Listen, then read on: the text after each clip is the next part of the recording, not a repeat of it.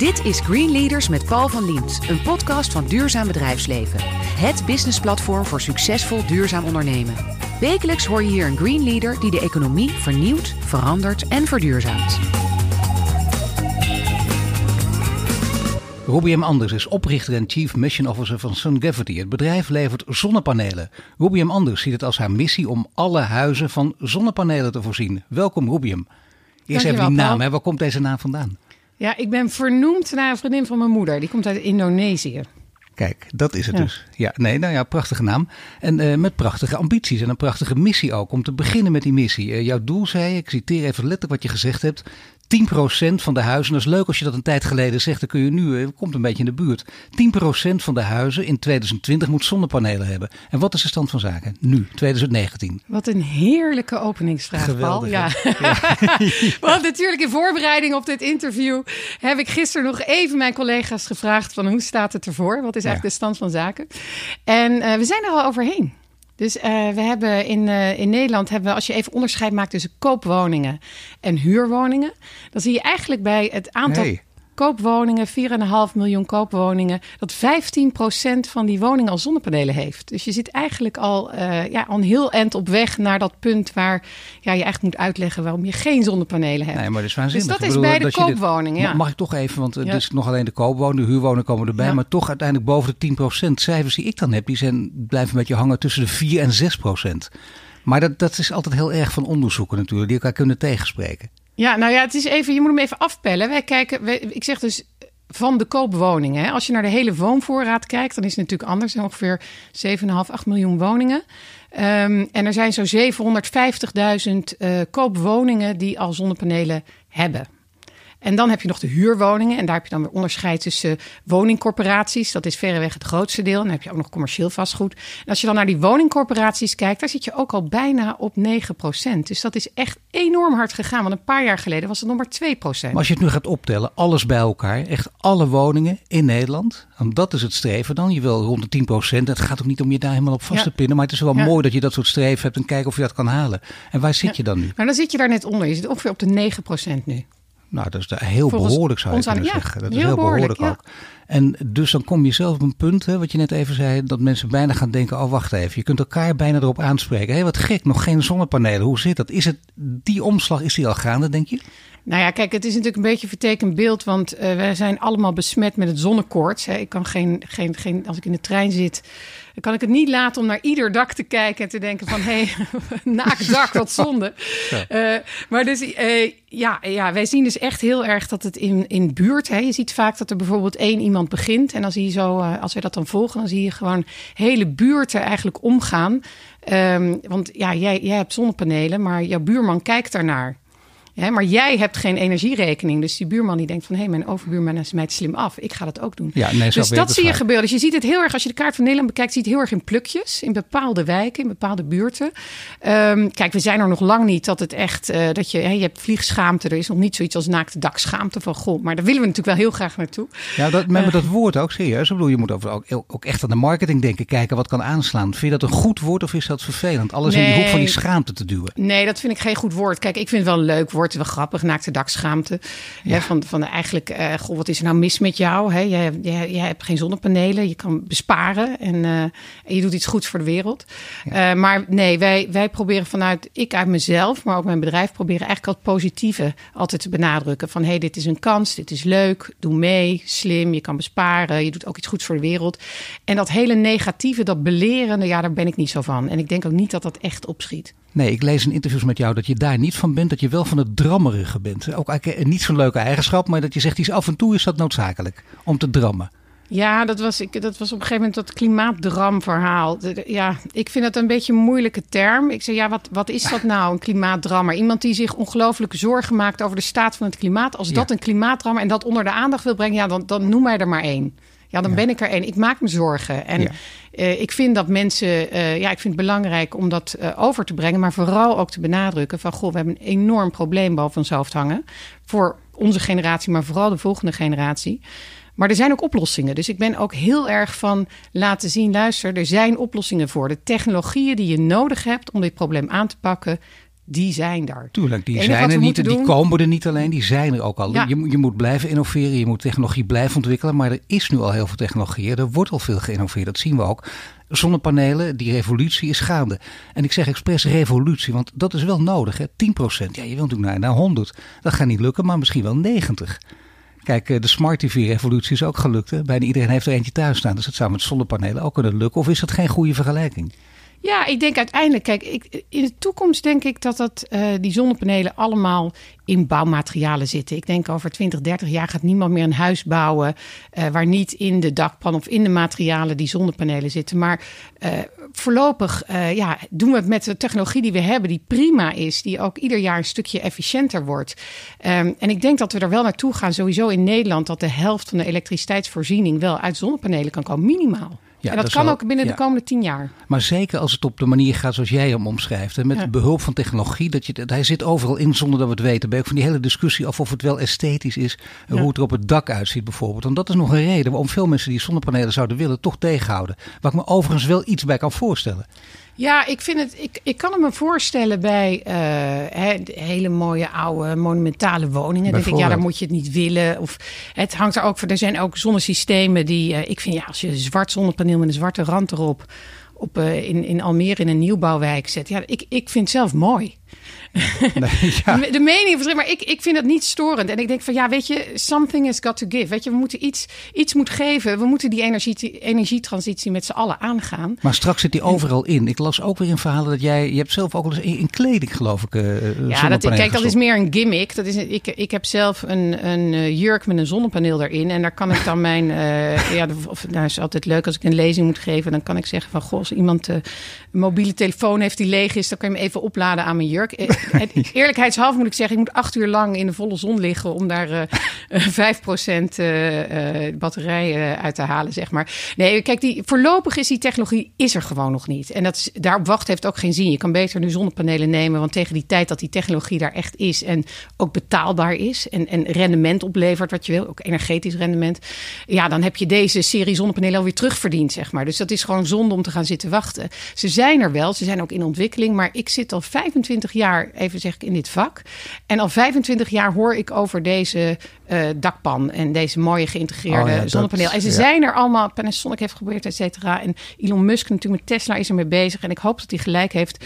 Uh, maar dan is het toch vaak dat als je een nieuw huis bouwt dan misschien, en je hebt een heel duur dak en je gaat in plaats van het hele dure dak die zonnepanelen neerleggen, dan kan dat uh, in de buurt komen van rendabel. Misschien. Ik moet het nog zien. Nu zit er natuurlijk ook een hele industrie omheen uh, met hele vervelende woorden. Ook laten we eerst het vervelende woord maar even doen, namelijk uh, de zogenaamde salderingsregeling. Heel erg belangrijk. Jij maakt ja. er ook druk over. Er moet echt iets mee gebeuren. Maar voor de mensen die geen idee hebben, wat wordt daar precies mee bedoeld met die salderingsregeling? Ja, het is eigenlijk heel eenvoudig. Als jij uh, zonnepanelen op je dak legt, dan wek je je eigen kilowatturen op en die kan je gewoon in je huis gebruiken. Ja. Als je overdag thuis bent en de zon schijnt. Ga je nou weg overdag, ben je aan het werk of ergens anders en die zon uh, schijnt op jouw zonnepanelen en je wekt stroom op, dan kan je die stroom die je niet gebruikt terugvoeren naar het net. Ja. En die saldeerregeling betekent eigenlijk dat dat verrekend wordt met de stroom die je anders zou moeten inkopen van jouw energiebedrijf. Dus het is gewoon op jaarbasis een rekensommetje. Dus eigenlijk betekent dat dan dat ieder kilowattuurtje die je op je eigen dak opwekt, evenveel waard is als wat je anders had betaald aan jouw energiebedrijf. Dus zeg maar 20 cent. Ja, nou, dat is die regeling, ja, dat is heel mooi. Dus daar zit dan een, iets met energiebelasting in. Daarom is dat gunstig. En, uh, en nou, iets van energiebelasting, kijk, daar gaat het om. Hè. Er, is ja. natuurlijk ook, uh, er zit ook een behoorlijke energiepot op. Op alles wat met zonnepanelen en uh, de zonnepanelenindustrie te maken heeft. De zogenaamde stimulering duurzame energieproductie. 5 miljard, dat is een groot bedrag. En er wordt gezegd, daar is ook een grote concurrentiestrijd om. Hè. Mensen die het om, het maakt niet uit om wat voor reden je hiermee bezig bent. Maar dat is misschien wel de belangrijkste reden om je op deze markt te storten, of niet? Ja, om te roepen dat het heel belangrijk is. Ja, je moet even twee dingen uit elkaar halen. Eén is de saldeerregeling. En dat geldt voor kleinverbruikers. Kleinverbruikers Zeker. zijn gewoon huishoudens. Ja. De stimulering duurzame energie, de SDE-regeling, die is voor grootverbruikers. Ja. Dus die probeert eigenlijk iets te fixen wat gewoon niet helemaal klopt in ons maar is het, systeem. Mag ik toch even om ja. toch, uh, het is ingewikkeld, maar om, hangen ze toch niet op een of andere manier met elkaar samen? Want uh, stel een consument kan met die kleine regeling voordelen hebben, maar ja, de piekbelasting op sommige momenten die komt ten koste van de, de grote elektriciteitsbeheerders, de grote bedrijven. Nou, dat is wel. Dus die SDE voor die, groot, die grootverbruikers is een stimulering. SDE, kleinverbruikers, is die um, salderingsregeling. Dat heeft eigenlijk helemaal niks met elkaar te maken. Het komt wel samen in dat als jij bijvoorbeeld een um, heel groot energiepark aan gaat leggen. En uh, je gaat daar een SDE-subsidie voor vragen. En je gaat daarmee het net belasten. Hè? Want je gaat dat eigenlijk terugvoeren op het net. En daarnaast ligt een woonwijk waar, uh, nou, een zo'n ambassadeur waar ik dan dol op ben, die 160 van zijn buren meeneemt. Hè, zonder daar enig belang in te hebben. Van hé, hey, ik heb dit gedaan, moet je ook doen. En je gaat zo'n hele wijk daar ook tegelijk. Dan zou het samen kunnen komen in de vorm van extra belasting op het net. er zijn rekensommen geweest vanuit de netbeheerder zelf die zeggen van joh, als we alle daken, alle woonhuizen vol zouden leggen in Nederland, dat kan dat net nog prima aan. Maar het is natuurlijk vooral bij die grote parken, als er ineens een hele stoot uh, groot park ergens in een afgelegen gebied, uh, ja, heel veel stroom op dat net komt. Die netten zijn er niet voor ontworpen. Nee, dat zijn die pieken. Moet, dat ja, zijn die pieken, pieken waar ja. mensen op letten. En dan wil je wel weten wat, en dat snap ik ook wel. Hè. Er zijn, de, de, critici doen het om zure reden of om, om dingen sowieso onderuit te halen. Dat kan. Of om discussie op een, op een ander niveau te brengen, waar, waar het nu ook helemaal niet om gaat. Maar als ze gelijk hebben, moet je wel weten wat consequenties zijn. Hè. Want dat zou betekenen dat op die momenten, dat echt de piek wordt bereikt, dat er een probleempje ontstaat. Dat mensen even bijvoorbeeld, uh, ik weet ik wat, uh, in, in een heel koude periode even zonder warmte of zo komen te zitten. Ja, koude periode zonder warmte. Ik denk eerder dat het om gaat dat we nu met z'n allen moeten zeggen: we hebben die energietransitie. We weten allemaal dat zon en wind daar een hele grote rol in gaan spelen om de elektriciteitsvraag te voorzien in Nederland. En we weten ook dat die netten zoals ze vandaag zijn ontworpen daar gewoon niet op zijn ingericht. En uh, we moeten gaan investeren om te zorgen dat die windenergie van zee naar land komt, maar ook in de zonne-energie, dat wij uh, die zonne-energie kunnen opslaan. Dat we dat ook, hè, als jij in, in, een buurt woont en jij uh, wekt stroom op en je bent er niet, dat je dat zou kunnen verkopen aan je buurman, et cetera. Dus er moet veel meer flexibiliteit in die netten ja. komen. Um, of dat nou van de ene op de andere dag zou leiden tot een blackout, want daar heb je het dan over. Ja. Uh, dat weet ik niet. Dat zou je even aan een andere gast van de netbeheerders moeten vragen. Nou, ik toch denk wel dat dat belangrijk. Niet, ja, maar dat erin geïnvesteerd moet worden, ja. Dat ook die batterijopslag daarin belangrijk wordt. En hè, de, de, elektrische vervoer. En mensen hebben een elektrische auto. Dat je voor de zekerheid het gas ook niet helemaal moet afstoten. Dat je dat in ieder geval toch wel nodig hebt voor als er wat misgaat of niet? Nou, ik denk, kijk, waar we naartoe gaan is. Ik zou in, het liefst willen 100% uh, duurzame energie, zon en wind. Ik denk dat het kan. Hè? Dan zou je een klein beetje waterstof nodig hebben. Um, dus ik, kijk, kan dat van de een op de andere dag? Kan het morgen? Nee. Maar dat hoeft ook niet. Hè? En ik denk dat het, als we het echt willen met z'n allen, dan zou het in tien jaar kunnen. Maar dan moet je wel gaan investeren in die netten. Maar zou het ook niet en mooi zijn? Gas, je moet, sorry, investeren ja. in die netten betekent dat dus, dus ondertussen ook zo'n flinke pot subsidiegeld ook klaar moet blijven staan.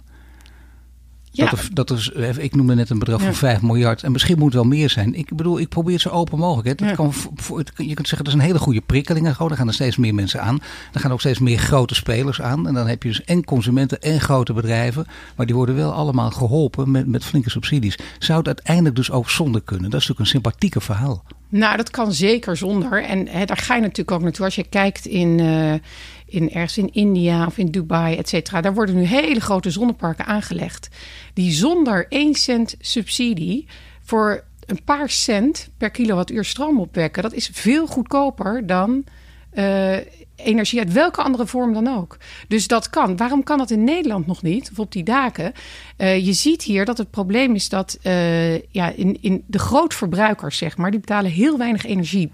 Eh, voor hun energie. En dat is omdat ze eigenlijk bijna geen energiebelasting betalen. Dus dat is eigenlijk een heel pervers systeem. Je zou zeggen Ja. van nou de Tata Steels en zo die veel uitstoten, die zouden eigenlijk ook meer moeten betalen. Maar in Nederland betaal je daar dus bijna niks over. Dat betekent ook ieder kilowattuur stroom die je opwekt uit je zonnecentrale, die levert dan ook minder op. En die business case is gewoon heel lastig.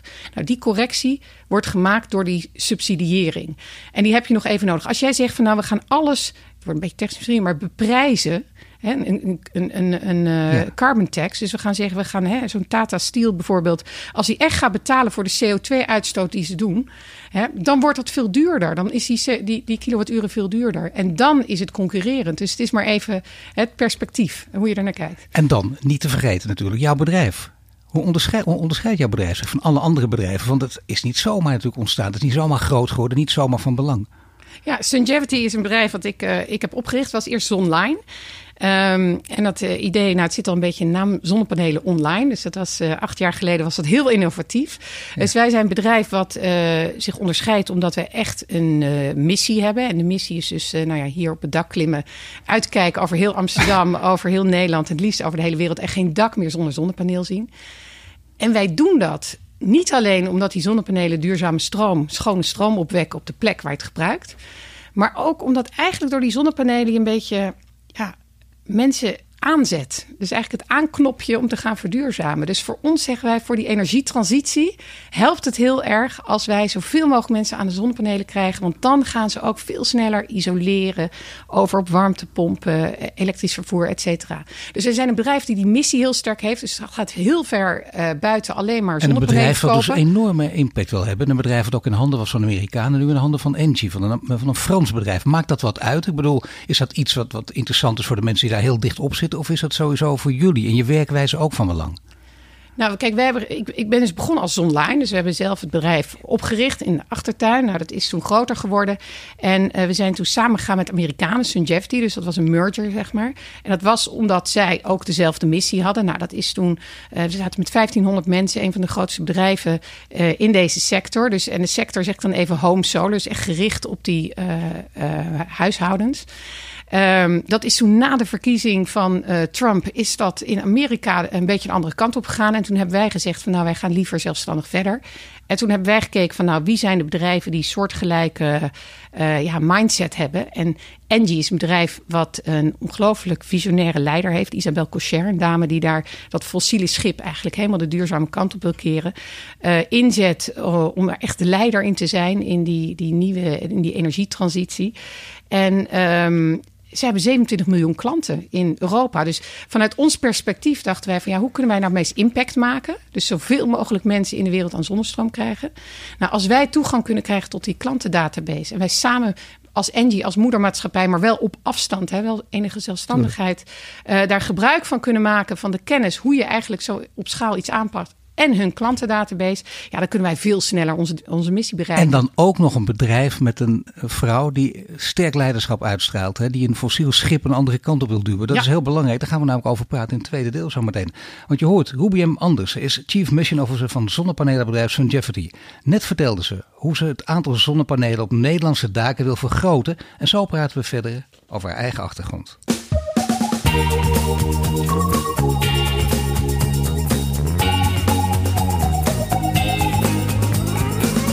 Mijn de studio Rubium Anders van Sungevity. Net vertelde ze hoe ze begon met Sungevity. Nu praten we verder over haar achtergrond en over de manier waarop ze zelf duurzaam leiderschap toepast. Eerst die titelfunctie, Chief Mission Officer. Ik zou bijna zeggen, willen we allemaal wel zijn. Maar wat houdt het in jouw bedrijf? Wat houdt het precies in? Ja, ik ben niet zo heel erg van de titels. Op een gegeven moment moest ik een titel bedenken. Ik ben zelf als CEO begonnen van het bedrijf. En ik, ik kwam er eigenlijk achter dat ik werelds meest waardeloze CEO was. Dus Waarom? ik heb toen echt een top CEO binnengehaald. Uh, ja, het is gewoon niks voor mij. Het is een heel operationeel verhaal. En uh, ja, al die mensen aan mijn bureau. Ik vraag eigenlijk altijd maar één ding als mensen komen van... Goh, wat moet ik doen? En zeg ik, nou, wat denk je zelf? moet je zeker doen. Je weet vast beter dan ik. Ja. Uh, dus ik dacht, ja, je moet altijd heel erg in je kracht blijven zitten. En, en mijn kracht is denk ik toch om echt een beweging op gang te helpen. Om ja, onze missie. Dus er, wij willen uh, 5 miljoen mensen laten leven op zonnestroom de komende 10 jaar. Uh, en om echt te kijken van nou, hoe kunnen we die missie zo snel mogelijk bereiken. Dus ik doe veel meer het lobbywerk, het gezicht naar buiten, het, het echte denken van goh, wat, hè, hoe kunnen we die beweging versnellen en initiatieven opzetten. Dus ik, ik heb Stichting Schooldakrevolutie opgezet, de Huurdakrevolutie, toen de Baaiensdakrevolutie, nu Theaterdakrevolutie. En laatst kwam iemand voor een buurthuisdakrevolutie. Nou, dat is mijn ding, zeg maar. Dus ik binnen het bedrijf bewaak ik dat wij ook echt die missie in de gaten houden en niet, uh, um, niet te veel andere dingen gaan doen. En um, ja, ik heb echt de leukste baan van iedereen. En je zit al 25 jaar in deze wereld, zo ongeveer. Bijna een jubileum is het ook. Dat betekent dus dat je, dat, dat kan niet anders, dat je het niet alleen belangrijk vindt, maar dat je het ook leuk vindt, prettig vindt, graag in wil werken. Dat je, dat je enorm gedreven wordt, dat je met een enorme drive, dat horen mensen ook als, als we je horen praten natuurlijk. Hier zit je volledig in. Wanneer is dat begonnen? Was het al bij de Rubium van uh, 12, 13, 14 of niet? Of is dat uh, te ver terug? Nou kijk, toen het klimaatprobleem, dat was toen nauwelijks bekend hè? Uh, ik ben, ik ben ik weet niet welke ja. tijd. Ik heb geen idee. Je lijkt me heel jong, maar ik weet niet hoe oud je bent. Ik ben 51, net geworden. Maar ik snel uh, terugrekenen. Dus ja, toen, ik, uh, ja, ja, nee, dat was het nog niet echt, nee. niet echt zwaar. Maar nee, het is eigenlijk dat milieu. Het was toen meer natuur, of, of eigenlijk ja dieren. Ik was, ik denk een jaar of tien of zo. Toen was ik lid van Greenpeace. En dat is geworden. Ik ben daar lid geworden omdat mijn in het dorp bij ons in Voorburg daar was een bondwinkel. En daar was een keer een, uh, een, een, had iemand een steen door de ruit gegooid. En die had met een rode kruis op, een, op zo'n uh, zeehondenbonte jas uh, gezet. Weet dat was jij niet voor de duidelijkheid? Dat was ik niet, nee. nee. En ik vroeg toen, uh, ik denk dat ik trouwens acht was, nog wel jonger. En ik vroeg toen aan mijn moeder, wij liepen daar en ik vroeg van, goh, wat, wat is hier gebeurd? En toen zei ze van, joh, nou ja, ligt eens uit. Het zijn zeehondjes, babyzeehondjes, daar worden jassen van gemaakt. Nou, ik vond dat echt, ik, kon, ik vond dat vreselijk. En daar ben ik me een beetje in gaan verdiepen. En, en Greenpeace was toen heel actief, actief daar op dat gebied. Dus ik, ik ben, heb me aangesloten bij Greenpeace als kind en heb daar allemaal brandbrieven geschreven naar de premier van Canada in het Nederlands. Met allemaal handtekeningen van andere kinderen. Soort Greta Thunberg van La Lettre eigenlijk, of niet? Zoiets, maar dan voor de zeehond. Ja, ja. Toch, ja. Iets kleiner. Maar um, nou ja, dat is toen ook wel weer weggezakt. En in mijn studietijd had ik wel altijd zoiets van... ja, ik wil heel graag iets met milieu. En toen ik studeerde, ik ben in 87 begonnen... toen was er nog helemaal geen studie op dat gebied. Dus er was in, ik heb economie gestudeerd en politicologie. En uh, nou, er was één vak, uh, werd aangeboden, dus dat heb ik toen gedaan. Um, maar dat was het. Maar ik was wel altijd geïnteresseerd in dat uh, milieu. En ik ben ook mijn eerste baan meteen gaan werken bij het Instituut voor Milieuvraagstukken. Oh, dus kijk eens Dus, dus ja, toch, dat, dat, bestond toen nog, maar er zijn er wel mensen in je omgeving die gaan zeggen, wat doe je eigenlijk? Want je kun, nu kun je het uitleggen, nu begrijpt iedereen het meteen. Maar in die tijd moest je veel uitleggen? Ja, ik denk het wel. Ja, zeker toen met dat klimaatprobleem begon. Want toen begon ik echt meteen in dat hele klimaatverhaal. Ik had ook Pier Vellinga, die was toen directeur van dat uh, Instituut voor Milieuvraagstukken. Ja, grote wetenschapper even voor de ja. duidelijkheid. Die ook al jarenlang zich hiermee bezighoudt. Je hebt veel met hem gepubliceerd ook. Ja, en ja, nou ja, dat... uh, zo is mijn carrière begonnen bij dat Instituut voor Milieuvraagstukken. Uh, dus onderzoek te doen. En ik, uh, ik heb toen Pier, die was toen uh, bij het IPCC, dus de Intergovernmental Panel on Climate Change. Dat zijn eigenlijk even de brein van het klimaatverdrag. Um, en nou, daar was hij bij betrokken. En uh, ja, hij bedacht heel veel slimme dingen. En ik uh, zat, zat bij hem in de buurt, dus ik schreef dat dan op. En alfabetisch kwam mijn naam eerst. Dus op een gegeven moment kenden heel veel mensen mij. En ik, ik, ik heb altijd een grote hekel aan mensen die, die de credits nemen voor dingen die anderen hebben bedacht. Dus ik, ik begon me altijd te verontschuldigen van ja, dat heeft Pier bedacht. Ik heb het alleen maar opgeschreven. En op een gegeven moment zei hij van nou, dat hoef je niet meer te zeggen. Het is oké. Okay. Ja.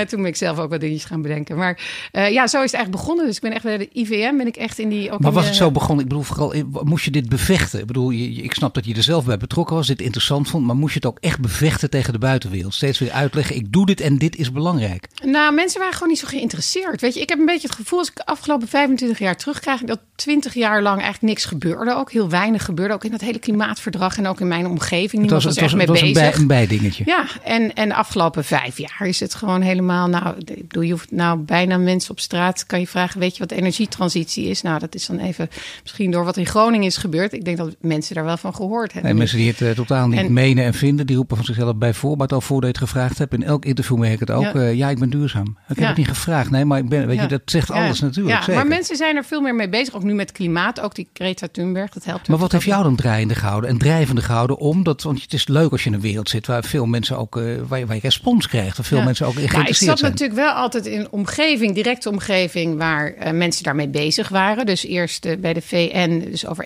emissiehandel. Zo kwam ik bij Pier terecht.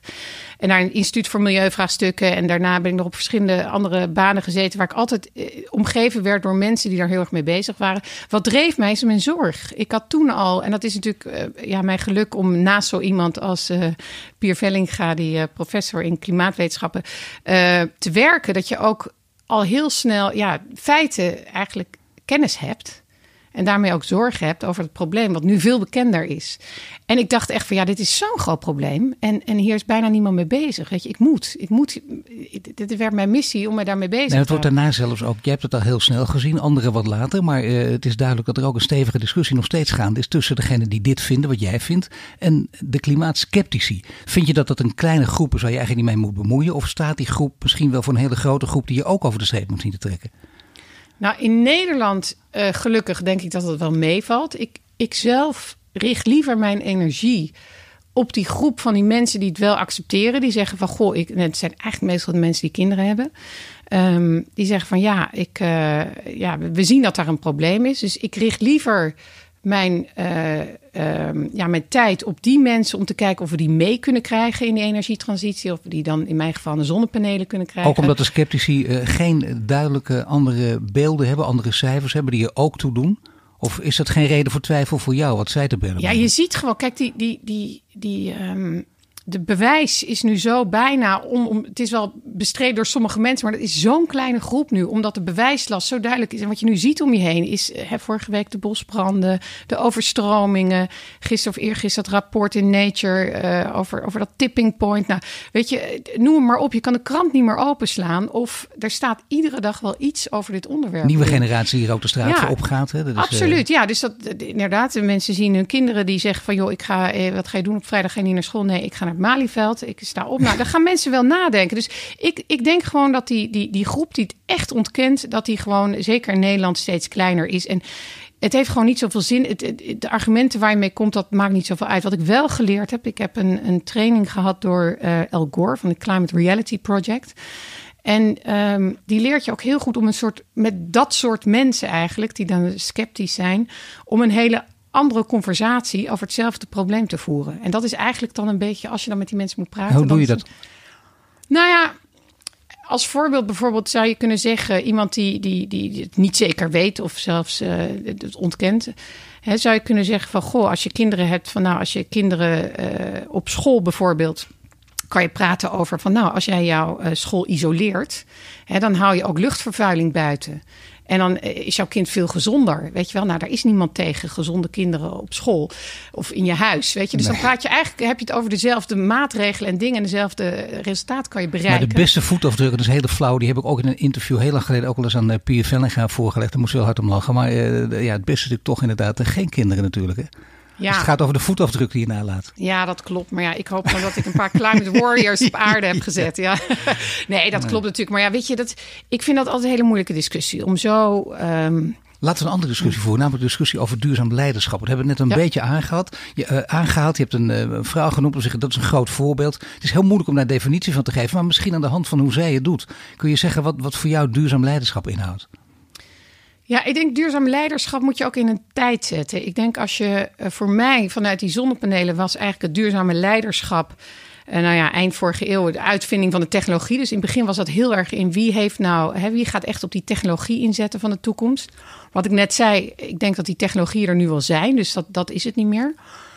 Ik denk de afgelopen, hè, toen ik zei, uh, die, die tijd van uh, zo 25 jaar geleden tot vijf jaar geleden was duurzaam leiderschap, waren de mensen um, de pioniers eigenlijk die die technologieën hebben aangenomen. Ik was laatst bij een uh, trouw duurzame 100. Die heeft nu zo'n hele leuke uh, serie hadden ze dit jaar over uh, ja, eigenlijk de mensen, de, de mensen in de samenleving die het gewoon doen om die in het zonnetje te zetten. Ik was er op een avond, moest een verhaaltje houden en er stond een meneer op en die, um, die had een brief bij zich uit uh, 1989, geloof ik.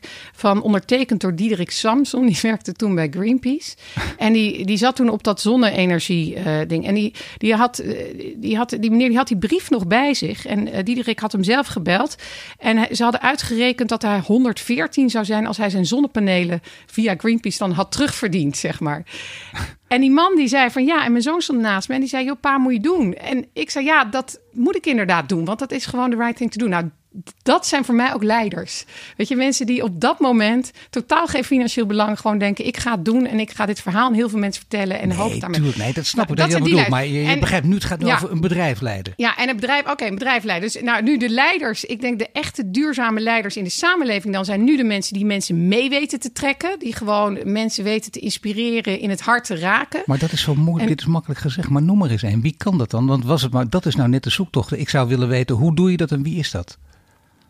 Hoe doe je dat? Nou ja, wij zijn dus heel erg bezig met kijken hoe wij mensen in het hart kunnen raken. Om die beweging op gang te krijgen. Maar hoe raak je mensen in nou ja, mensen in het hart raken. Ja, eh, Greta Thunberg is er natuurlijk een van die dat beeld die daar zit. En die mensen wakker schudt. Ja, het is een beetje cliché om dat nu te noemen. Maar dat is wel echt leiderschap en durf. Dus het zijn voor mij zijn duurzame leiders zijn mensen die gewoon altijd voor de troepen vooruitlopen die zien eigenlijk, die eigenlijk alweer 10, 15 jaar vooruitkijken. En die ook zien van wat zijn nou daar de belemmeringen die op die weg liggen en hoe kan ik die wegnemen. Ja, en nu zeggen sommige duurzame leiders, niet om het jou nog moeilijker te maken, maar toch ook een beetje wel. Als je juist ver op de troepen vooruit loopt, kun je ook heel gefrustreerd raken. Want jij ziet het, je weet het ook gewoon, maar anderen nog niet. En om dan ook nog eens iemand in het hart te raken die denkt, ja wacht even, ik ben met hele andere dingen bezig. Ik weet totaal niet waar je het over hebt dat is nou zo mooi. Als je weet hoe je dat voor elkaar kan krijgen. Je loopt voor de troepen uit en je moet toch iemand in het hart raken met iets wat de ander nog niet weet. Ja, ja, ja. Nee, ja dus wij als bedrijf zijn wij daar heel erg mee. Ja, ja nee, kijk, wij, ik, ik zou even een voorbeeld geven. Dat zal niet. Hè, hoe wij proberen mensen in het hart te raken, is, is dat je um, even een heel praktisch voorbeeld. Uh, we waren laatst bij een woningcorporatie. En die, uh, daar heeft dan zo'n hele buurt, 500 huizen hebben, uh, hebben zonnepanelen genomen. Maar er zijn er altijd iets van 200, 300 die dan niet mee hebben gedaan. Nou, toen hebben we een hele grote infographic gemaakt. En toen hebben we vertaald, ben ik zo'n huis ingegaan bij een van die, van die woningen. En toen hebben we gekeken, wat gebeurt daar nou? En toen hebben we eigenlijk de installatie van acht zonnepanelen vertaald naar wat daar gebeurt in dat huis. Dus daar kan je, weet ik veel, 36 dagen en 18 uur en 6 minuten Fortnite spelen. Of ik noem maar even wat.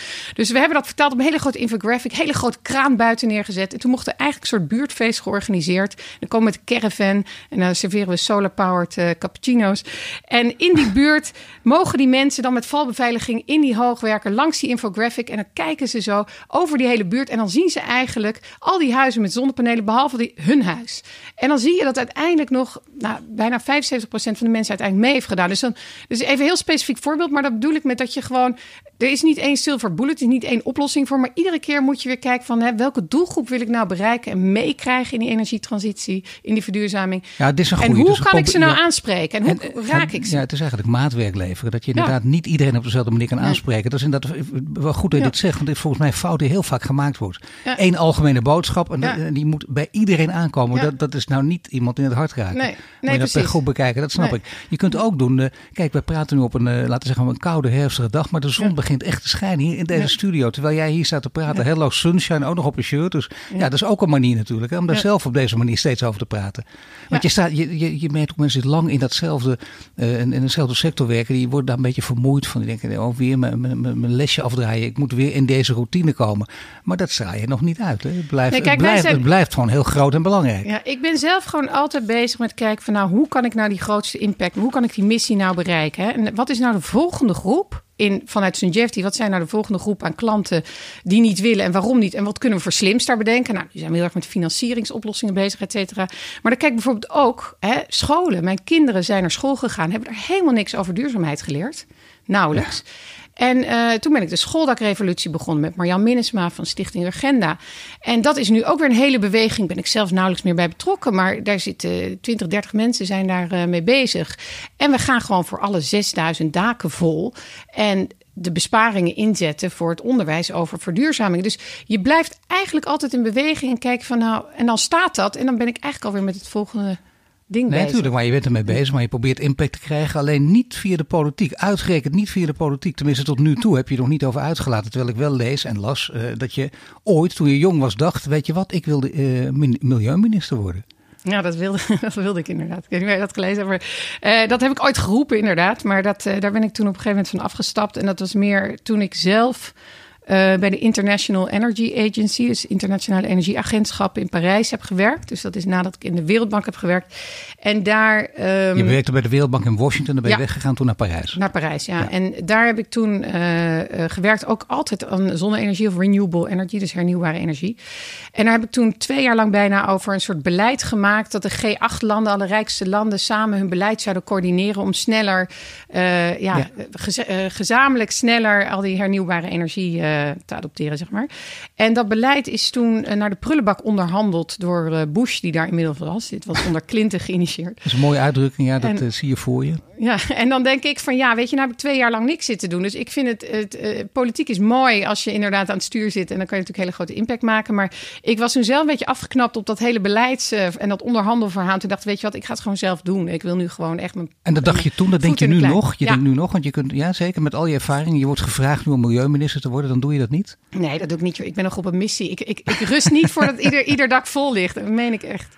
Aan het woord is Rubium Anders van St. Jefferty. Net spraken we over achtergrond en persoonlijk leiderschap. En zo praten we verder over leiderschap van Nederland in de energietransitie.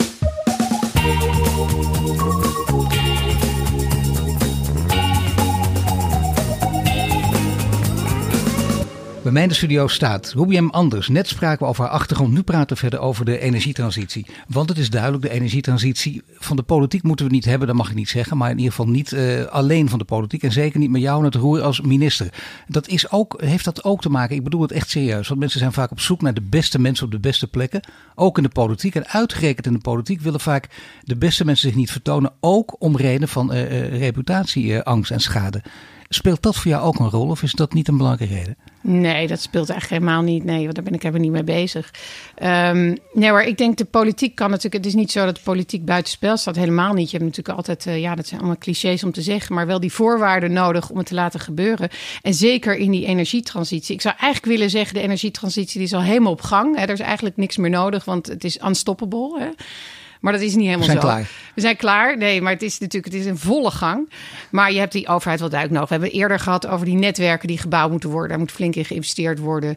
Um, ik ben zelf bezig met die uh, nou, woningcorporaties, met die huurwoningen. Die lopen, nou ja, liep hopeloos achter. Dat gaat dan nu weer een stuk beter. Uh, maar ook daar zie je dat uh, de overheid ook echt... de, de woningcorporaties, er zijn 380 woningcorporatiedirecteuren die de sleutel in handen hebben van verduurzaming voor uh, 2 miljoen woningen. Uh, en dat kan je als overheid, kan je daar ook op gaan zitten. En dat hoef je niet eens te verplichten, maar je kan het wel faciliteren. Je kan de verhuurdersheffing, zo'n zo'n heffing die zij uh, moeten betalen, is ongeveer twee maanden. Financiële prikkels heel belangrijk. Ja, dus ja. als je zegt van nou, die, die, die, die, een belastingen, en Nederland is een van de weinige belastingen waar woningcorporaties belasting moeten betalen. Maar die belasting die zij gewoon in kunnen zetten voor verduurzaming. Nou, dan moet je kijken hoe het snel het gaat. Dus er zijn natuurlijk heel veel knoppen waar je aan kan draaien als overheid. Dus ik denk om te zeggen van nou, het is niet belangrijk. Nee, dat zeg ik niet. Um, ook met die saldeerregeling waar we het eerder over hadden, die stabiele, hè, die condities dat het aantrekkelijk wordt voor mensen om mee te doen, dat is natuurlijk hartstikke belangrijk. Dus, maar of ik daar zelf nou uh, die rol in zou willen spelen, ik ben natuurlijk regelmatig in Den Haag en ik lobby hier en daar. Maar wordt het ook regelmatig aan je gevraagd? Of dat mensen zeggen, nou uh, laten we even een kopje koffie drinken. Ik weet hoe je er tegenaan kijkt, maar misschien is, gaat het, is het wel eens zo ver gegaan of niet? Nee hoor, nee. Nee. Nee, oh, nou dat verbaast me. Nee, ik dacht dat je zou zeggen ja, nee, maar ik zeg het niet. Nee, helemaal niet. Nee, maar ik denk mensen die mij kennen weten ook dat ik gewoon uh, met iets heel anders bezig ben. Ik wil het gewoon doen en ik, ik wil gewoon niet rusten voordat uh, ik met mijn missie klaar ben. Ja. Nee, maar goed, als je El Gore ja. ziet en zo en daar uh, ja. lesjes van leert en ziet dat die toch enige impact heeft gehad, dan denk je nou, het kan ook via de politiek. Maar goed, ik hou erover op. Ga jij de politiek niet indwingen? Of heb je geen, heb je geen partij waar je... Waar je die... Nou, dat is ook nog wel goed. Dat is wel lastig. Ik was lid van een partij en dat... Welke partij was ben dat? Ik, dan, ik ben nou, ik ben en lid geweest van GroenLinks en lid geweest van D66. Maar ik ben nu geen lid meer van de partij. Ik zou niet weten wat ik moest stemmen. En toen ik laatste stemwijzer deed, toen kwamen ze bij de ChristenUnie Kijk eens even. Nou, mooie coalitie ja. op deze manier ja. ook. Groene coalitie ook. De energietransitie wil je versnellen. Zou het ook kunnen? Misschien een beetje een rare vraag, maar toch, uh, kijk even naar omringende landen. Zou het ook kunnen door bijvoorbeeld ook met, uh, bijvoorbeeld met, met de gasunie om de tafel te gaan zitten? Of met mensen die kerncentrales neerzetten. Bijvoorbeeld in Frankrijk en daar ook op veel gebieden zien dat mensen daar baat bij hebben. Om daarmee een, een coalitie te gaan vormen. Drie partijen waarvan je in eerste instantie niet zou verwachten dat ze bij elkaar zouden horen. Nou ja, ik zou niet degene zijn die daarmee aan tafel zou gaan zitten. Nee, ik zou daar helemaal niet op inzetten. Ik, hè, wat ik in het begin al zei, ik denk de toekomst is zon en wind. En dan hebben we nog even die gascentrales maar nodig. ook de windmolenparken, waar natuurlijk vrij veel kritiek wil, op is. Hè? Ja, windmolenparken lekker ver weg op zee, tuurlijk. Dat gaan we gewoon, ja. weet je, dat gaan we gewoon doen. En dat moet ook. Er is zoveel potentie in Nederland. En ik denk, daar, we moeten op de toekomst inzetten. Kijk, als je op kerncentrales, en je moet ze niet van de een op de, de andere dag uitzetten. Dat is ook kapitaalvernietiging. En dat is natuurlijk lage CO2. Nee, het gaat dus, we, we hebben het over energietransitie ja. en die moet versneld. Maar ja. het kan toch ook veel langzamer, of niet? Ik bedoel, je denkt, nou, zo snel gaat het niet. Het is altijd leuk om in de beeldvorming te roepen. Er komen anders grote rampen aan. Maar kan ook denken, nou, het gaat redelijk langzaam. En ondertussen hebben we toch ook die andere energie nog nodig. En dan vervolgens maken we langzaam een stap. Of vind je juist niet dat het echt nog veel sneller moet gaan? Natuurlijk moet het veel sneller gaan. Kijk, weet je, als je wil, dan kan het gewoon. He, en uh, gisteren of eergisteren heeft de, uh, um, in het Europees Parlement is een soort uh, klimaatcrisis staat uitge, uitgeroepen. Nou, als we dat in Nederland ook zouden doen en zeggen er is echt een climate emergency. En je gaat daar plannen op maken, dan kan dat. He, dan kan dat in 10, 15 jaar. Urgenda noemde ik eerder. Die heeft, uh, nou ja, laatst een heel mooi plan dat je in 40, uh, 40 punten plan laten zien hoe je in 10 jaar lang helemaal om kan. Dus het kan, maar je moet het willen. Ja, en dat, dan moet dus iedereen het willen, moeten ja. alle partijen het willen. En dan moet je er ook mensen volgens mij ook wel geruststellen. En uh, het is niet voor. En dan moet je ook kijken naar buitenlandse voorbeelden. Want waarom denk je dat die Fransen nog zo stevig blijven inzetten op kerncentrales? Ook mensen die, die ook een energietransitie willen zijn, dat, hè? Die, die dat toch doen. Nou, kijk, het, voordeel van kerncentrales, een van de weinige voordelen is natuurlijk dat het uh, CO2-neutraal is. Uh, dus dat is natuurlijk een voordeel. Maar kerncentrales nu om, er, is, er is een verschil tussen de bestaande kerncentrales en nieuwe kerncentrales bouwen. Kijk, als je nieuwe kerncentrales wil bouwen, dan is dat bijna de duurste vorm van energie. Waarom zou je daarvoor kiezen? Waarom zou je, dat kan absoluut niet zonder garanties of zonder verzekering en bijdragssubsidies van de staat. Je, vindt, je kunt veel beter voor zon dus- kiezen, voor zonnepanelen. Dat moet natuurlijk ook met subsidies, maar dan maak je wel een, een, versnelling en een transitie door. En je kunt ze ook nog recyclen natuurlijk, zonnepanelen. vind ik ook zo gek. Dat blijft, lijkt een beetje buiten discussie te vallen. Is dat een klein onderdeel daarvan, recycling van zonnepanelen, of is dat een belangrijke? Nou, het zou een belangrijke moeten zijn. Kijk, je ziet natuurlijk die zonnepanelen die liggen 25, 30 jaar op een dak. Dus het is eigenlijk iets waar je nog weinig over hoort. Omdat die eerste pioniers, die meneer waar ik laatst over vertelde, die heeft dat uh, 15, 20 jaar geleden gedaan. Ja. En um, en dat uh, de eerste, zonnepanelen, eerste generatie zonnepanelen komt nu dan van dat dak af en is aan vernieuwing toe. Maar dat zijn het nog maar heel weinig. Uh, het is heel belangrijk, denk ik, om daar nu goed over na te denken. En in België, bij onze buren hebben ze dat ook gedaan. Daar hebben ze een soort verplichte bijdrage. Dat iedereen uh, die bijdrage levert. En daarmee ook de garantie wordt gegeven dat die zonnepanelen aan het einde van de levensduur van de daken af worden gehaald. En dan ook gerecycled worden. Mooi zo goed voorbeeld, zo dichtbij. Ja, precies. En in Nederland is dat allemaal meer vrijwillig gedaan. Dus ik zeg van nou, dat, dat zijn echt punten waarvan ik denk, nou, daar kan de overheid nou mooi ingrijpen. Ga en hè, op het recyclen zorgen dat dat goed geregeld wordt nu. Want straks heb je over 25 jaar een probleem als al die zonnepanelen die daken afkomen en niemand pakt die verantwoordelijkheid meer. Het is natuurlijk een product dat heel makkelijk gerecycled kan worden. Het is glas.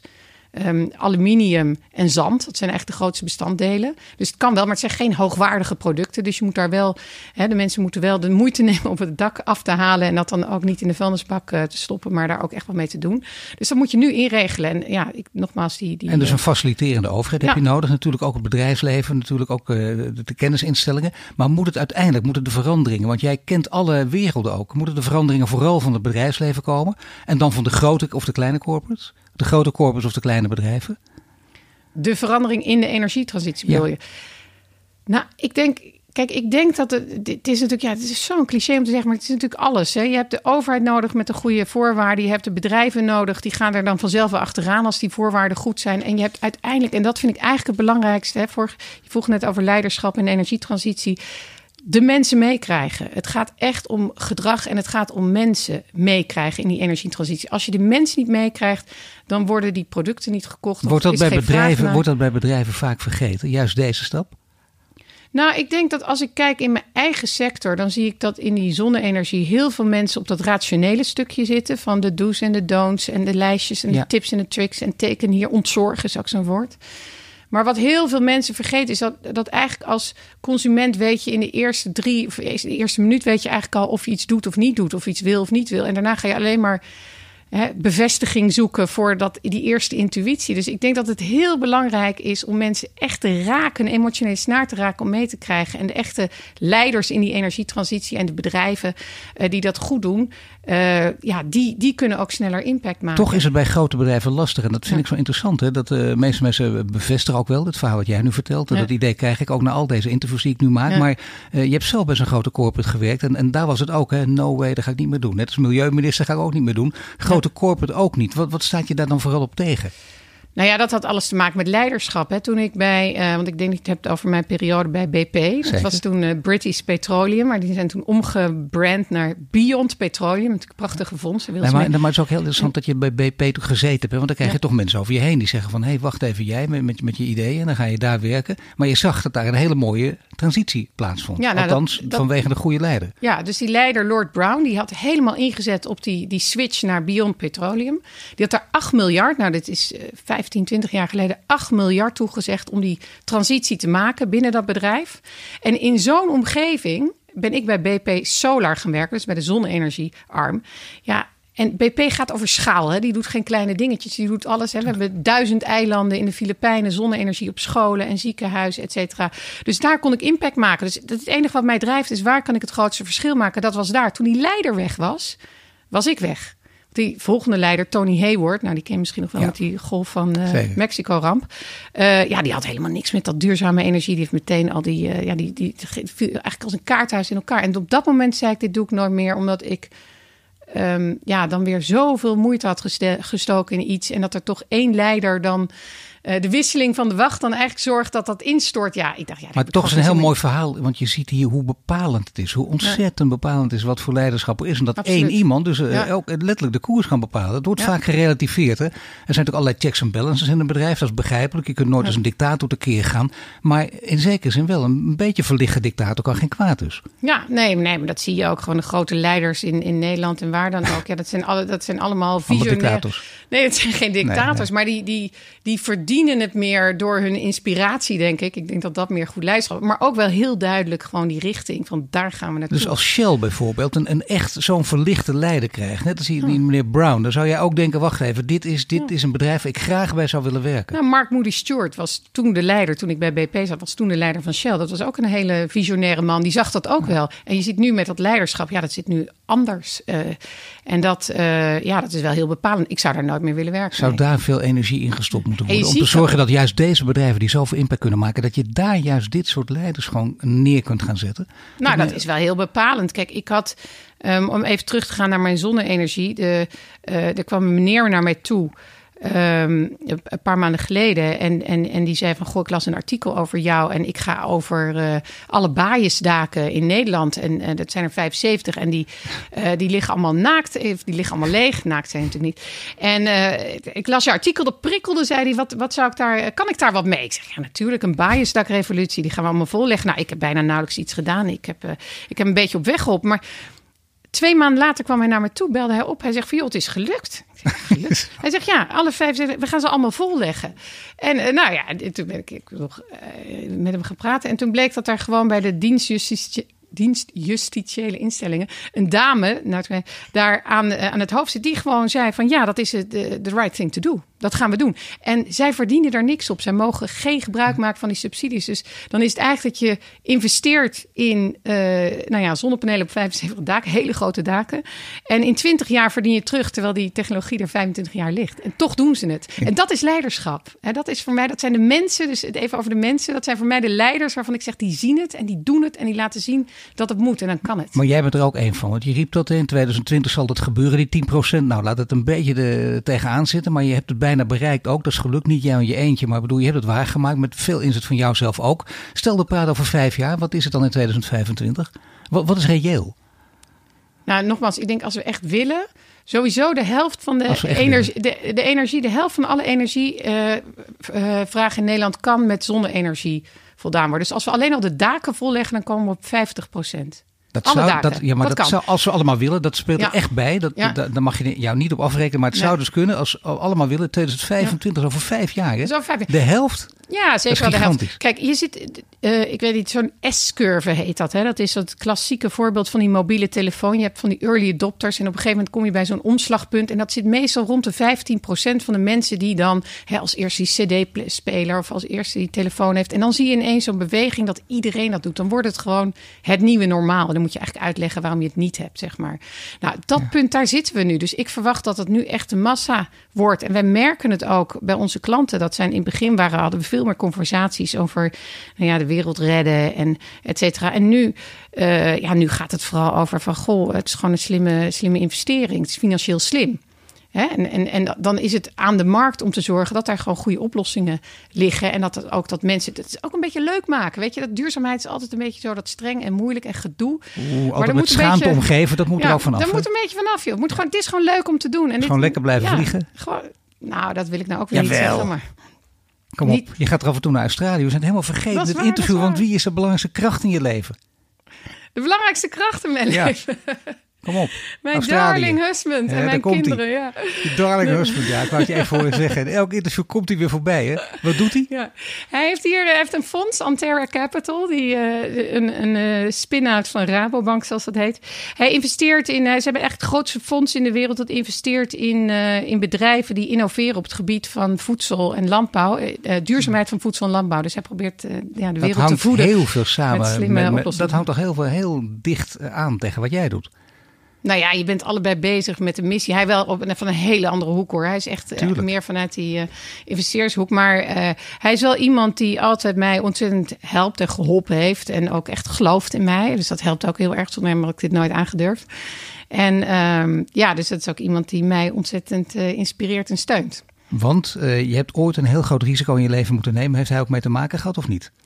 Ja, toen ik begon waren we Zonline uh, hebben we opgericht. Dat was in mijn, uh, ja, was bij ons uh, thuis zijn we begonnen en met z'n vieren. En Letterlijk aan de keukentafel. Ja, aan de keukentafel. Ja. Dus zo zijn we, zijn we begonnen. En toen uh, hadden we op een gegeven moment hadden we uh, Yvonne Jaspers als een van de eerste klanten met haar uh, familie.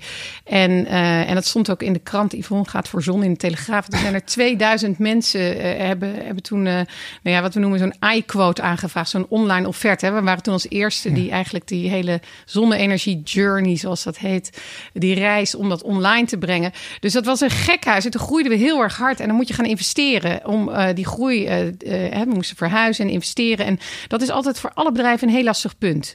En uh, we zijn toen naar de bank gegaan voor een lening. En die zei van, ja, god, ik moet toch wat zekerheden. Nou ja, uw huis. Dus en toen, ja, uw man moet ook meetekenen. Dus toen heb ik inderdaad Adam, zoals mijn darling husband heet, liever aangekeken.